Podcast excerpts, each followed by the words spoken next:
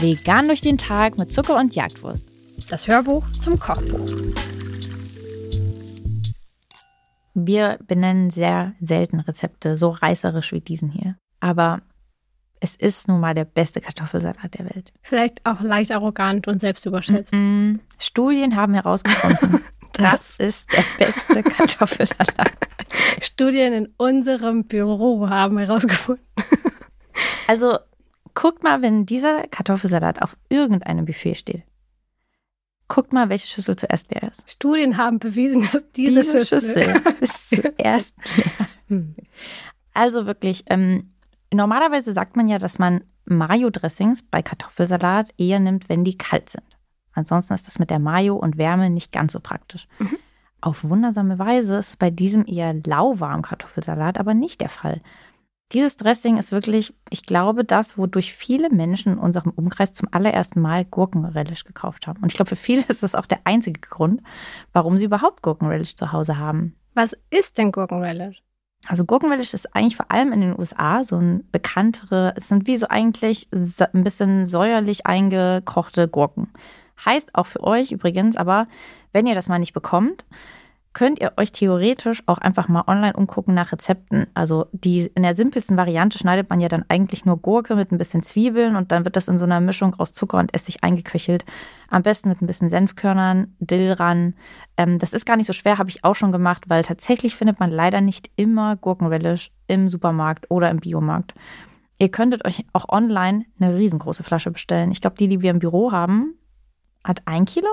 Ja, die ist riesig. Die habe ich aber bei einem sehr großen Möbelhändler mit vier Buchstaben mitgenommen. Also man findet die auf jeden Fall. Geht mal in größere Supermärkte. Ähm, da ist die Wahrscheinlichkeit, dass ihr das findet, auf jeden Fall am größten. Ähm, und es lohnt sich auch. Also so Gurkenrelish zum Beispiel in einen Hotdog äh, mit reinzugeben oder auf einen Burger zu geben. Ähm, das als Dip zu Würstchen zu verwenden. Man findet da schon so ein paar Sachen, für was man das auch verwenden kann, damit sich der Kauf lohnt. Auf jeden Fall. Ähm, Shoutout an dieser Stelle möchte ich auch an Lauren Toyota vom veganen Foodblog Hot for Food äh, geben. Durch die kamen wir nämlich damals auf die Idee, diesen Gurkenrelish in den Kartoffelsalat zu packen und wir haben ihn seitdem nie wieder anders gemacht. Wobei du wahrscheinlich schon, weil die schwäbische Herkunft, die wird dir dieses Rezept vielleicht gar nicht verzeihen. Hast du den schon mal diesen, ähm, diesen Kartoffelsalat gegeben? Nein, das würde ich mich, glaube ich, nicht trauen. Studien haben gezeigt, dass ich das nicht machen sollte. ähm, nee, ich habe ja ähm, Familie aus Süddeutschland. Dadurch kenne ich und bin ich aufgewachsen mit Kartoffelsalat mit Essig und Öl. Und aber auch mit einer sehr speziellen Kartoffelsorte, die sich dafür am allerbesten eignet. Also es ist auf jeden Fall auch eine Wissenschaft, so eine Art von Kartoffelsalat zu perfektionieren.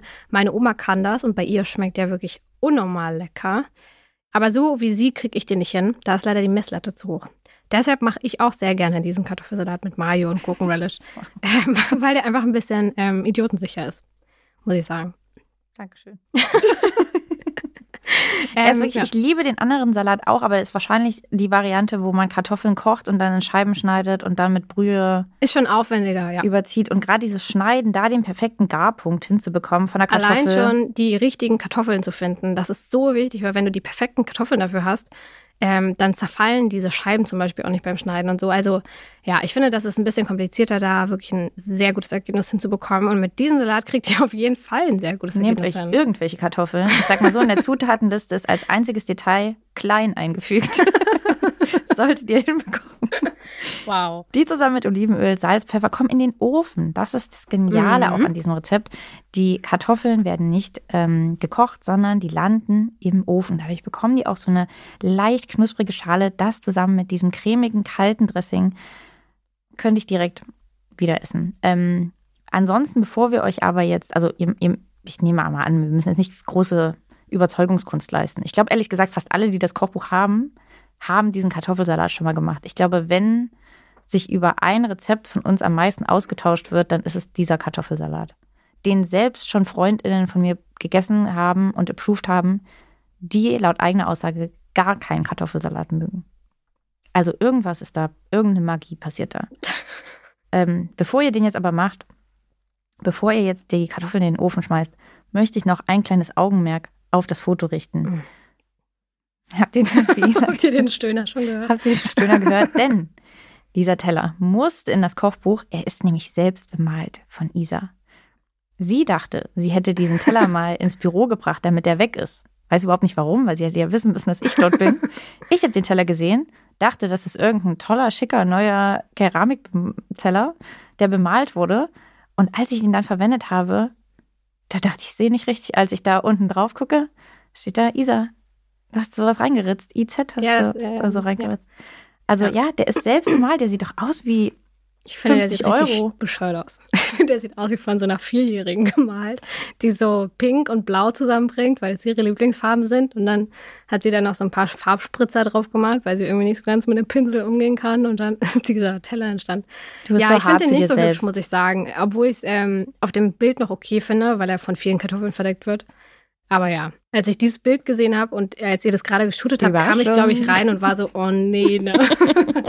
das war meine Reaktion. Aber ich finde es ganz niedlich, dass du den so behätschelst und betätschelst und den so nett findest. Der kommt nicht weg, der ist in meiner Obhut und naja, vielleicht kriege ich die dazu, irgendwann mal eine kleine Keramik-Collection zu machen.